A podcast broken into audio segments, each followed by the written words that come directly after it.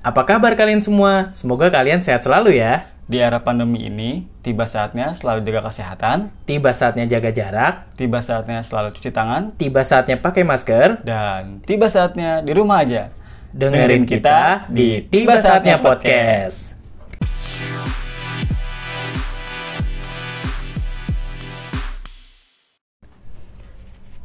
Assalamualaikum warahmatullahi wabarakatuh. Waalaikumsalam. Jeng jeng jeng jeng jeng jeng jeng jeng. Anjay. Kembali lagi bersama Momot Dan gua Afif. di Tiba Saatnya Podcast. Podcast.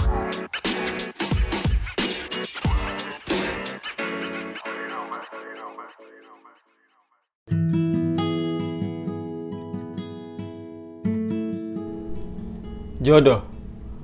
Jodoh adalah salah satu perkara paling misterius seperti halnya kematian. Tak ada yang tahu dengan siapa, kapan, dan bagaimana seseorang akan menemukan jodohnya. Seringkali kita menyaksikan berbagai usaha dilakukan seseorang untuk menjemput jodohnya. Namun akhirnya gagal juga. Ada yang usaha ke sana kemari mencari jodoh, tapi ternyata jodohnya ada di depan mata. Ada juga yang sudah menjalin hubungan bertahun-tahun, tapi ternyata jodohnya orang lain. Begitulah misteri jodoh yang Maha Kuasa Allah Ta'ala berikan.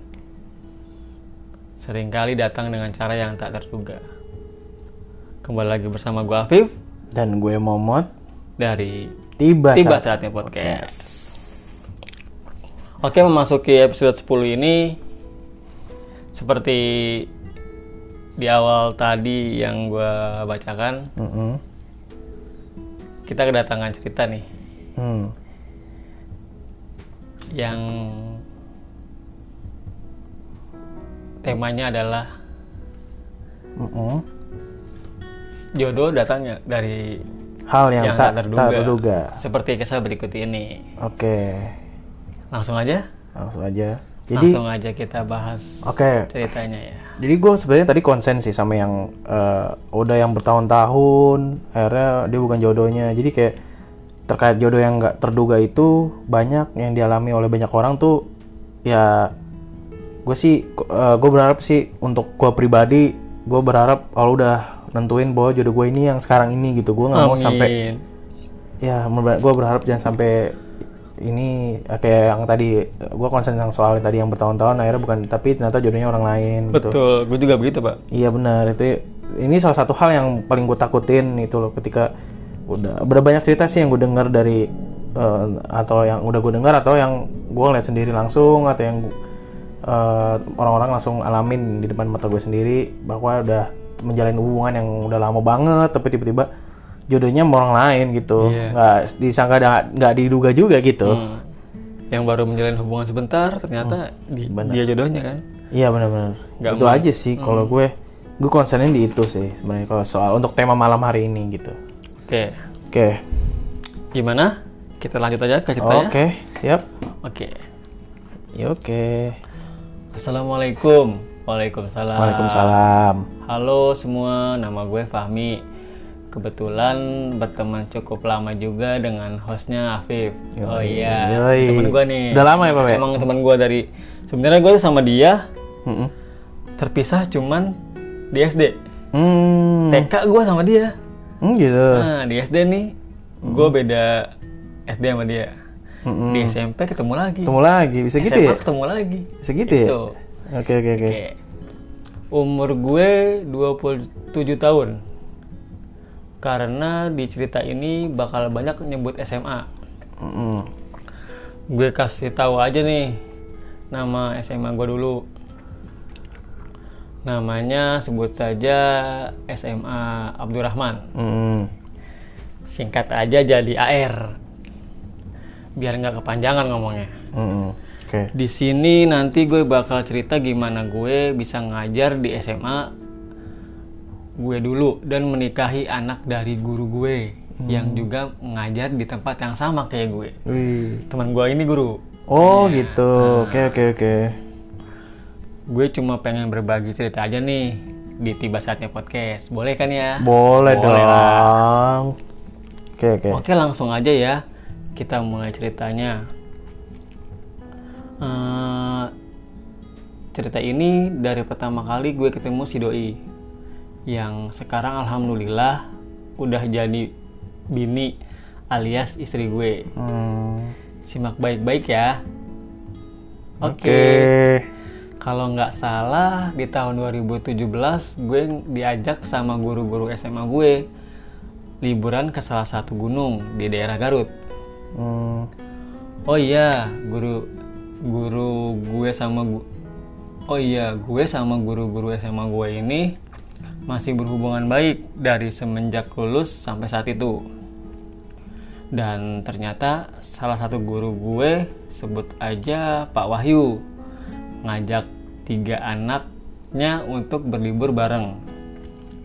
Asma, Willy, dan Ratih yang masing-masing umurnya pada saat, saat itu 25 tahun, 19 tahun, dan 13 tahun. Saat itu si Asma kegiatan sehari-harinya ngajar juga di tempat Pak Wahyu yaitu ngajar di sekolah tadi ya AR. sekolah air ya. Tapi waktu itu gue nggak tahu kalau si Asma itu ngajar juga di AR. Hmm, Aneh nggak sih bapak sama anak bisa kerja di satu tempat? Jadi anaknya itu, mm-mm. jadi anak guru gue itu guru juga di situ pak. Hmm, hmm, Kita langsung aja ya ke tahun 2018, tahun di mana gue ditawarkan pekerjaan buat ngajar di AR. Jadi waktu itu lagi bulan puasa gue diajak bukber sama Pak Wahyu dan kepala sekolah SMA gue sebut saja namanya Pak Alvin. Dan timbullah percakapan seperti ini. Sekarang kamu lagi sibuk apaan Jul? Nah, Jul itu nama samarannya, Hmm. nama panggilan akrabnya lah gitu. hmm, Kata Pak Alvin. Oke. gue sama Pak Alvin emang udah deket banget gue bukan deket sama Pak Alvin aja sama keluarganya almarhum istrinya sampai ibunya Pak Alvin juga kenal sama gue karena pertanyaan itu muncul dari gu- guru gue, gue nanggepinnya wajar kalau guru nanya kayak gitu ke murid. Gue jawab aja nggak ngapa-ngapain pak. Lagi nganggur. Hahaha. Bulan lalu baru resign dari tra- travel barokah kata gue. Hmm, jadi gue sempat kerja di travel haji dan umroh tapi nggak sampai setahun keluar lagi karena dari ngedengar jawaban gue dan tahu kegiatan gue yang lagi nganggur akhirnya Pak Alvin dan Pak Wahyu nawarin gue buat ngajar di AR kamu mau nggak ngajar di AR tapi megang pesantrennya jadi wali asrama. Nawarin tuh nawarin, oke, pas oke. sekolahnya ke si Fahmi ini. Oke, iya iya iya. kata Pak Alvin dan Pak Wahyu bersaut-sautan. Tanpa pikir panjang lagi gue jawab aja mau pak kata gue ya namanya juga pengangguran ditawarin kerjaan ya apa aja yang mau lah Iya, ya. udah udah udah. apalagi yang nawarin orang yang kita kenal Hmm, lu juga pasti kayak gitu kok apalagi lagi pandemi kayak gini kan iya. Hmm. Gue memberanikan bersedia menjadi wali asrama karena pernah nyantri juga waktu itu. Iya, dia juga sempat nyantri pak sebelum kuliah waktu itu. Jadi sedikit banyak tahulah kerjaan wali asrama ngapain aja. Hmm, Akhirnya gue mengajukan surat lamaran ke AR dan mengikuti tes masuknya. Singkat cerita, akhirnya gue dinyatakan lolos dan menjadi guru di SMA gue dulu. hmm. Jadi itu temen gue sekarang Oke. jadi guru di SMA-nya dia dulu. Oh, Oke gitu. oke oke oke oke. Dan itu sekolah gue juga. Oke oke iya iya. Ya Tiba terus. saatnya podcast. Eh salah. Tiba saatnya gue masuk di hari pertama. Iya. Bisa ngelawak juga deh. Bagus, bagus, bagus. Bagus, bagus. Keren, keren. Boleh boleh juga, boleh boleh. Ya terus. Tiba saatnya gue masuk di hari pertama jadi guru di, di AR. Waktu lagi raker, gue kayak ngelihat orang yang pernah gue lihat sebelumnya. Setelah gue amati dengan saksama, ternyata dia asma. Hmm, Iya benar dia asma. Kata gue dalam hati. Hari demi hari gue jalani kegiatan kegiatan baru gue menjadi guru Hmm. nggak cuma ngajar gue juga suka dilibatin menjadi panitia kalau di sekolah gue ada acara-acara dari sekian banyak acara gue sering banget ditempatin satu divisi sama si Asma dari situ kita jadi sering komunikasi ya kan sama guru kan Hmm, bener-bener sama guru. Guru masih muda gini ya gurunya. Hmm. Hmm. Bukan cuma di sekolah kalau udah nggak di sekolah juga sering oh bukan cuma di sekolah aja kalau udah nggak di sekolah juga sering komunikasi komunikasi karena sering seringnya ngomongin masalah kegiatan acara di sekolah Hmm, Oke. Hmm, dari situlah kita mulai kenal dan timbullah benih-benih perasaan antara pria dan wanita. Asik. Anjay. Gue suka nanya-nanya tentang Asma ke teman dekatnya yang juga ngajar di situ. Sebut saja Wulan. Hmm, Oke. Usut punya usut, gue dapat informasi dari Wulan. Katanya si Asma juga punya perasaan yang sama. Kak, ke gue. Gue, gue. Nah, jadi si si Fahmi ini dapat info dari Wulan bahwa si Asma itu juga punya perasaan yang ya, sama, ya, sama kan, temen temen ya. lah itu istilahnya lah. Mm-mm. Tapi gue nggak percaya begitu aja. Sampai akhirnya Ah. gue membuktikannya sendiri. Dan tiba pada waktunya gue, Asma, dan Wulan mengunjungi rumah Pak Alvin di Sukabumi. Hmm, Oke. Kita bertiga ke Sukabumi menggunakan mobil dengan posisi duduk gua sebagai sopir. Di sebelah gue Asma dan di belakang Wulan dan di belakang Wulan sendiri. Mm-mm. Sambil mengendarai mobil, sesekali gue ngelirik ke, ke sebelah. Asik, ya, nakal ya. Nakal. Cari-cari kesempatan. iya. Tempat Asma duduk. Emang kelihatan beda. Dia kelihatan banget menikmati perjalanan. Yang juga sesekali kepergok lagi ngelirik ke gue. Iya. Pede lu. Dia lu anjir. Jadi kayak main lirik-lirikan. Ya Asik. Oke. Oke. Terus? Waktu mau pulang dari Sukabumi, Asma ditawarin tukeran posisi duduk sama Wulan. Tapi Asma nggak mau. Katanya takut mabuk kalau duduk di belakang. Iya, Yaelah. bilang aja mau deket Fahmi ya. Iya. Ya? Asma mau tukeran nggak sama gue? Kalau duduk di belakang kan bisa tidur, katanya si Wulan tuh. Mm-mm. Kalau di depan harus nemenin sopir ngobrol ya. Kata Wulan nawarin tukeran posisi duduk. Mm-mm. Tapi tawaran itu ditolak mentah-mentah sama Asma. Enggak ah, gue takut mabuk kalau duduk di belakang. Mm. Kalau gue muntah, lu mau buangin muntah gue? Ini, idiu, idiu. Lu mau gak, Pak? Enggak lah. Enggak. terus. terus. Begitu jawab Asma. Dengar Asma jawab kayak gitu, gue ngomong, bilang aja lu mau duduk sebelah gue, cia. Iya, pede juga ya mas, iya, ini. iya. Kadang-kadang ya, Bisa aja ngodainnya. Terus terus. begitu kata gue dalam hati. Oh dalam hati, jadi dia nggak bilang langsung. Hmm. Iya, gitu gue. Ah, iya dalam hati. Akhirnya kita pulang ke Depok dengan posisi duduk yang sama kayak waktu berangkat. Gue sopir, sebelah gue Asma, di belakang Ulan sendiri.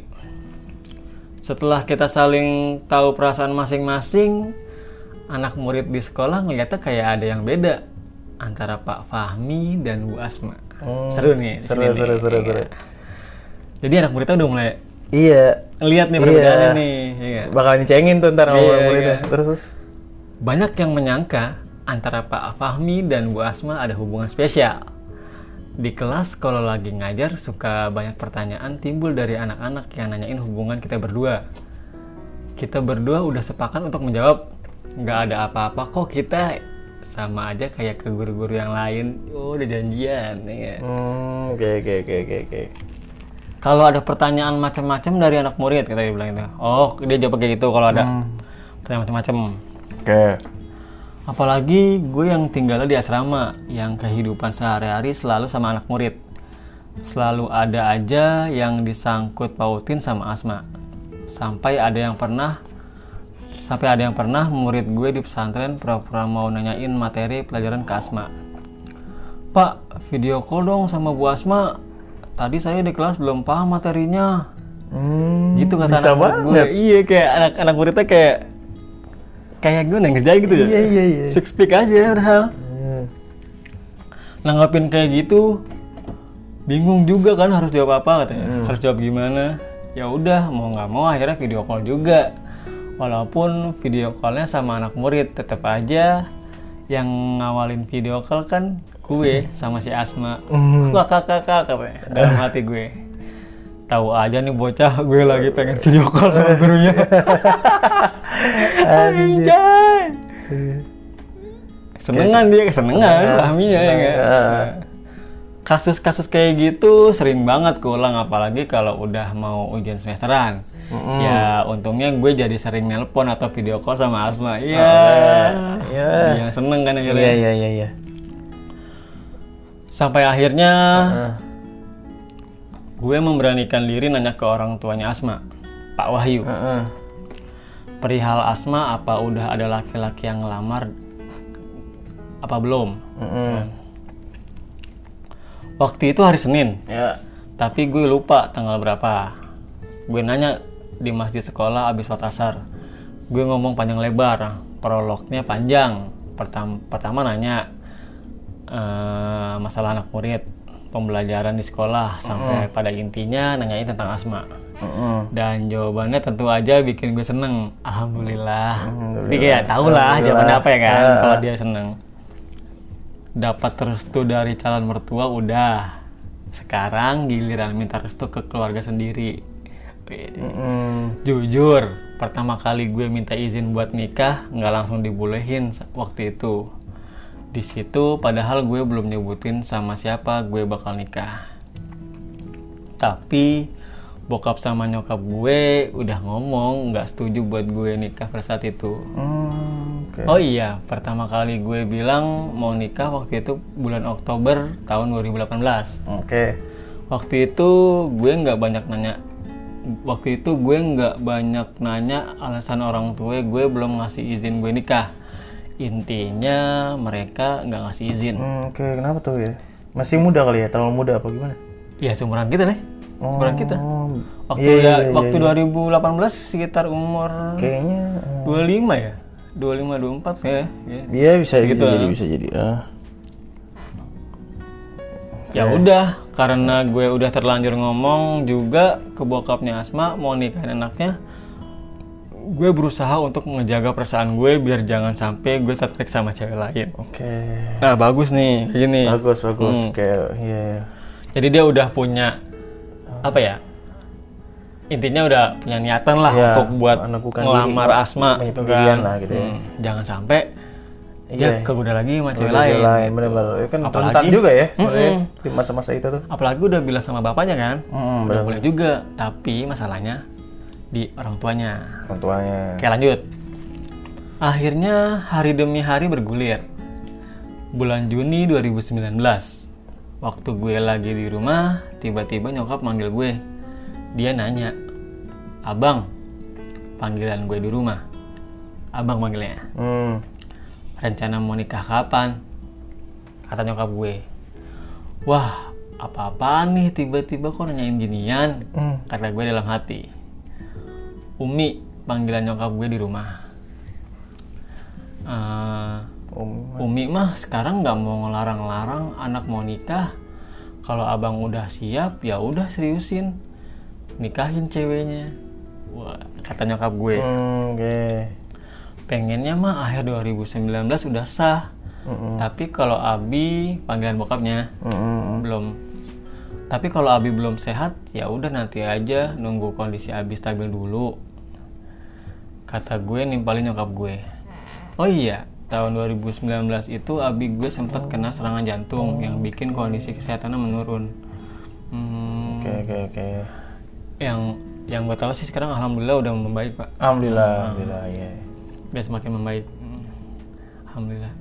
Setelah ada perbincangan serius antara orang tua sama gue waktu itu, alhamdulillah gue dibolehin nikah tahun 2019. Mm-mm. Abis dapat kabar kayak gitu, gue langsung ngabarin ke Pak Wahyu, bokapnya Asma. kalau gue udah dapat izin dari orang tua gue Hmm. dan katanya kalau emang beneran serius harus kalau katanya Mm-mm, kalau emang beneran beneran serius. harus disegerakan karena menikah itu sesuatu yang baik jadi harus disegerakan Oke. Kamis 12 September 2019 jam 10 bokap gue nelpon Hmm. waktu itu posisi gue lagi di Sukabumi lagi ada tugas sama Pak Alvin ketua apa kepala sekolah. sekolah. AR nanti malam kita ke rumahnya Asma bisa nggak buat ngomongin rencana lamaran nih. Kata bokap gue terdengar dari suara handphone. Kok dadakan nih? Nanti deh izin dulu ke Pak Alvin. Lagi di Sukabumi nih. Kata gue ngebalas omongan bokap gue. Karena posisi lagi karena posisi gue lagi tugas di Sukabumi awalnya gue ragu kalau malam udah sampai Depok lagi. Belum lagi siap-siapnya masa iya mau ke rumah calon mertua nggak rapi iya Iya, iya. iyalah harus rapi Iya, lah rapi lah, harus yang matang lah. Yoi dong. Akhirnya gue nego ke Pak Alvin kalau abis juhur gue harus balik ke Depok buat nyiapin buat acara nanti malamnya. Karena Pak Alvin tahu tentang perasaan gue ke Asma, beliau ngasih izin ke gue buat balik ke Depok abis zuhur. Akhirnya malam pun tiba. Tepatnya jam 8 malam, Hmm. gue sama orang tua gue ketemu sama orang tuanya Asma.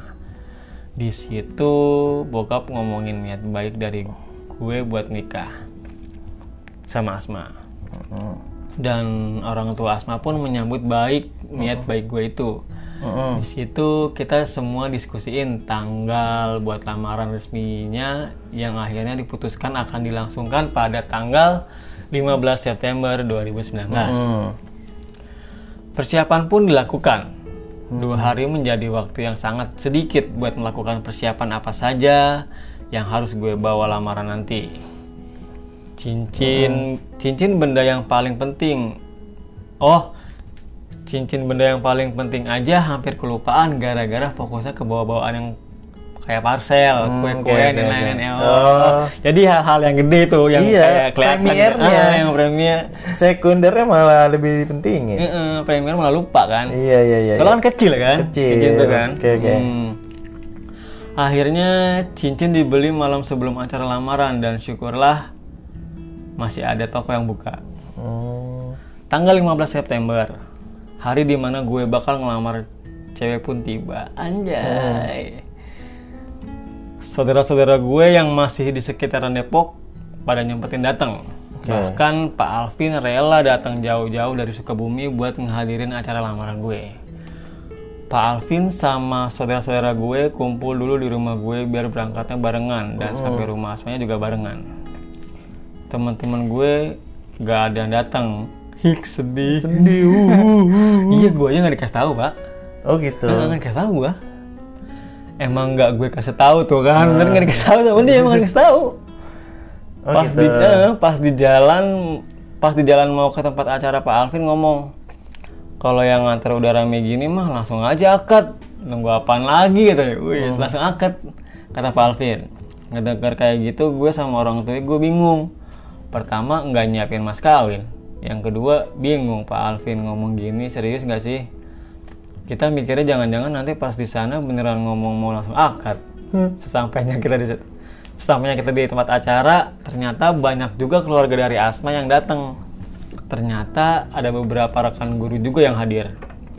Oke. gue nggak tahu mereka tahu dari mana gue sama Asma mau lamaran. Ngelihat kayak gitu Pak Alvin makin semangat buat ngomporin gue sama orang tua gue buat langsung akad saat itu juga. Hmm. Akad jadi jadi kayak niatnya pengen lamaran akad lamaran situ langsung. Heeh. Oke oke. Acara lamaran pun dimulai. Pembacaan ayat Al-Quran, sambut-sambutan, dan perkenalan keluarga besar. Begitu rentetan acaranya. Ternyata bener. Pak Alvin minta waktu buat ngomong sekaligus memperkenalkan diri yang gue dengar dari Pak Alvin.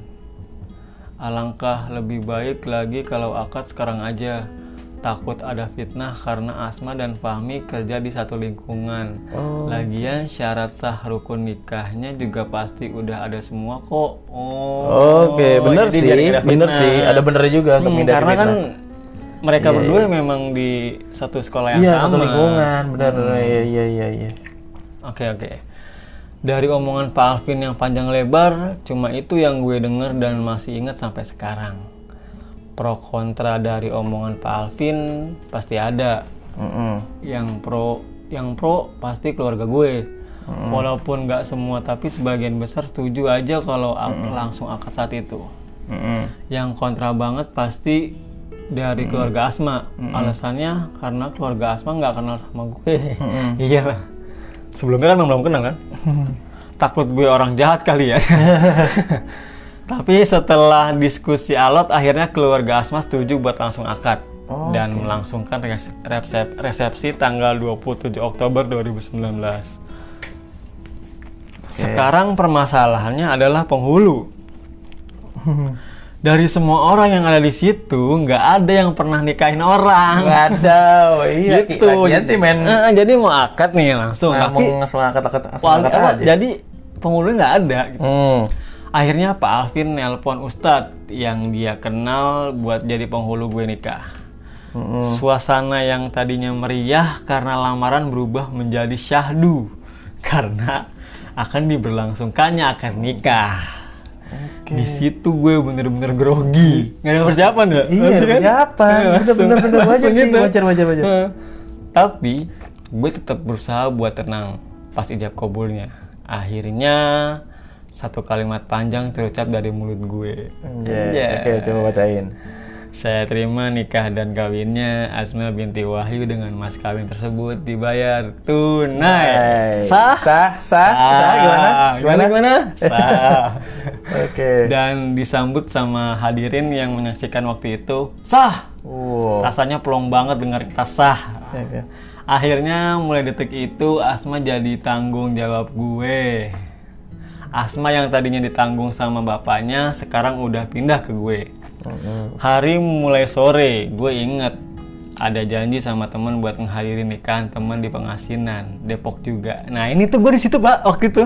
Jadi tuh sorenya gue lagi ke nikahan temen gue yang di Pengasinan ini. Gue nggak tahu si Fahmi ini tiba-tiba udah di rumahnya si Asma.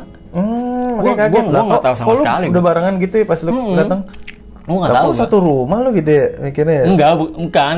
Yuk, wak- waktu itu gue taunya berapa hari gitu. Oh. Bahwa dia tuh. Mm-mm. Udah udah nikah gitu. Heeh. Oke oke gitu ya kan tapi sekarang gue udah punya bini ya ya udah gue ajak gue ajaklah bini gue ke kondangan nikahan temen gue jadilah kita berdua makan malam pertama jadi suami istri di nikahan orang anjay temen gue bingung kaget shock ngeliat gue kondangan bawa cewek. Ya udah gue jelasin aja ke mereka kalau gue udah nikah. Gue jelasin kronologinya dari pas rencana lamaran doang sampai bisa langsung akad. Hmm.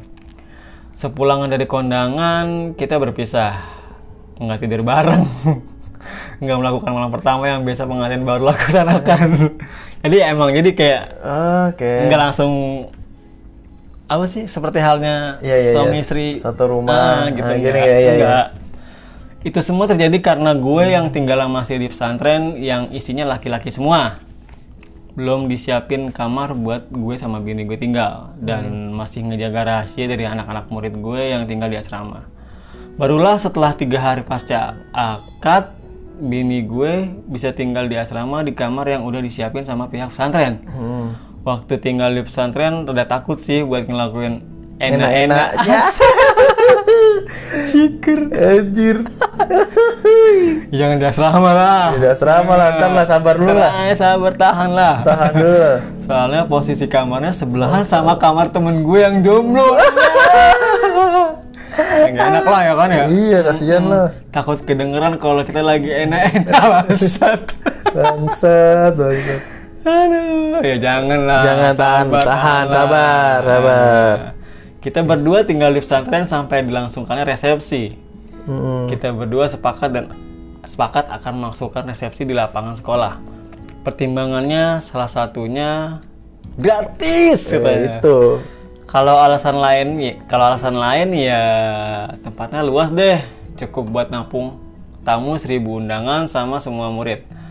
Maklum, yang nikah sama sa- yang nikah sama-sama guru di sekolah itu juga. Hahaha. Oke. Surat izin pemakaian lapangan dan masjid diurus ke yayasan. Pencarian vendor, penyebaran undangan, alhamdulillah semuanya diperlancar. Semuanya kita berdua yang urus selama tinggal di pesantren. Mm-mm. Hari pesta pun tiba. 27, 27 Oktober 2019. Mm-mm. Pagi, pagi gue berangkat dari rumah sama keluarga besar dan tetangga rumah di tempat acara. Rangkaian acara yang tadinya ada ijab kabul lagi ternyata nggak ada. Jadi diganti sama tanda tangan sama penyerahan buku nih, buku dan kartu, Kartu nikah, nikah. aja. Begitu penjelasan dari penghulu KUA. Ah, Oke. Rangkaian acara penyerahan buku sama kartu nikah belum beres. Gue ngelirik keluar tamu udah pada datang. Parkiran mobil udah penuh. Dalam hati gue ngomong, cukup nggak ya makanannya tamu banyak gini? Selesai ac- acara akad, akhirnya gue berdiri juga di pelaminan. Full 3 jam berdiri nggak sempat duduk karena tamu yang datang buat ngucapin selamat dan doa ke kita tuh emang nggak berhenti berhenti. Ya wajar sih emang, emang pasti gitu kok, ya kan? Pasti, pasti, pasti. Duduk lama di pelaminan, tamu datang terus, ganti baju, pas ganti baju doang tuh bisa istirahat. Hmm, Ya duduk lah minimal kan, minum, eh, makan. duduk makan minum ya paling ke cemilan doang kan. Ya, terus tapi nggak lama balik lagi Iya, kan? habis ganti baju balik lagi, ya kan? Paling kita cuma sempat minum seteguk sama makan dari gubukan-gubukan yang dari catering aja. Tamu-tamu berdatangan, yang bapak-bapak, ibu-ibu, orang tua murid, murid-murid, teman-teman, semuanya tu- tumpah ruah di lapangan tempat acara resepsi. Hmm. Pasca resepsi, pasca resepsi kalau nggak salah H plus 5 deh, kita pindah ke kontrakan dekat sekolah. Sebelumnya kontrakan kontrakan udah gue cari dari sebelum acara resepsi. Biar kelar resepsi tinggal angkat-angkat barang. Gue nggak bisa tinggal jauh dari sekolah. Itu karena pekerjaan gue yang menjadi wali asrama pesantren Hmm. yang kerjanya yang harus mobile mobile bolak-balik asrama rumah dari awal gue ngontrak sampai sekarang alhamdulillah masih betah di kontrakan ini ya walaupun nggak besar walaupun nggak besar yang penting berkah rumahnya amin Amin. Semoga nanti ke depannya kesampaian punya rumah sendiri Amin. amin biar nggak usah Pusing. biar nggak pusing mikirin bayar kontrakan tiap bulan amin ya Amin, Allah amin, amin. Oh iya, bulan Oktober ini kebetulan bulan pernikahan gue sama sama Asma. Gue s- gue sekalian minta doa boleh ya? Boleh. Boleh lah, boleh. Gue minta doa aja ke pendengar podcast ini supaya pernikahan gue sakinah, mawadah, warohmah dan cepet dikasih momongan. Amin. Amin. Bini gue nggak sabar pengen punya Fahmi JR. JR Fahmi Junior. Oke, Fahmi Junior. Oke. Katanya amin. Segera Amin, amin, momongan. amin. Udah ah ceritanya kepanjangan nih. Wassalamualaikum warahmatullahi wabarakatuh. Waalaikumsalam warahmatullahi wabarakatuh. Seru, seru, seru Jal- perjalanan cintanya seru banget. Jadi gitu emang. Jodoh emang ya nggak tahu ya kita Iya, kan. nggak ada yang tahu sih, benar, benar, benar. Dengan siapa kita berjodoh, kapan, juga kita nggak ketahui. Iya, benar, benar. Yang nggak nyangka ya, bisa apa nikah sama anak gurunya sendiri. Iya, gitu. Iya, bisa gitu Yang ya. tadinya juga gue juga gak nyangka teman gue itu bakal jadi guru. Iya, iya. Tapi lucu itu tadi Alvin sampai kayaknya paling semangat dia deh kayaknya ngebet gitu untuk langsung aja dakat ya. Iya, sekarang lu. iya. Benar sampai menimbulkan pro kontra tapi ya tapi ujung-ujungnya setuju semuanya Iya. untungnya alhamdulillahnya gitu. Hmm. Orang niatnya cuma lamaran nih kan. Gak ada persiapan buat Iya, ucapin gak ijab ada kabul. persiapan lagi itu gimana ya ijab kabul ya gak ada persiapan tiba-tiba orang cuma niatnya lamaran doang. Nah, Iya iya iya iya iya. Iya bener ya emang bener. bener. Yo jodoh bener-bener nggak diduga-duga banget sih. Kita sama siapa jodohnya. Kapan ya kan? Iya. Akan berjodoh. Seperti halnya kematian. Iya, Kita juga nggak tahu. Hah, gila loh. Seru seru lucu lucu, lucu ceritanya. Cerita ceritanya menginspirasi juga. dan dia akhirnya tuh tadi gimana tuh jadi dia enak-enaknya di mana dia iya deh Aku nggak tahu lah. dia lagi nggak sabaran sih Nggak sabar sih. iya Sabar tapi gue akhirnya nik- enak-enaknya dikontrakan dia sendiri kayaknya itu Nggak tahu lah kalau itu. ah oke lah kayaknya untuk di episode 10 ini menutup di season pertama ya nanti Iya. nah, kita akan buat si bocoran ya gimana Pip, di ke depannya nanti Untuk season 1 ini eh, episode 10 ini menjadi episode terakhir di season 1. ya Ke sel- apa next kita masuk ke season 2. Sedikit bocoran aja kita akan tampil ada konten konten berbeda ya dengan sebelumnya. Mm-mm. Gimana kasih tahu nih? Nanti aja kali ya nanti surprise aja ya. kali ya surprise lah ya ya nanti kita akan kasih tahu gimana gimananya akan ada hal-hal yang baru lagi Yang nanti beda. berbeda pastinya akan lebih seru juga Makanya stay tune ya kan. ya oke Tetap di Tiba Sate Podcast. Podcast. untuk terus uh, menunggu update terus apa episode episode terbarunya ya Oke. oke Gue kira segitu aja segitu aja ya untuk episode 10 ini penutup Yoi. dari eh, season 1 yoi di Tiba Sate Podcast Yo, sama man. gue Afif. dan gue Momot Thank you. thank you bye. bye yo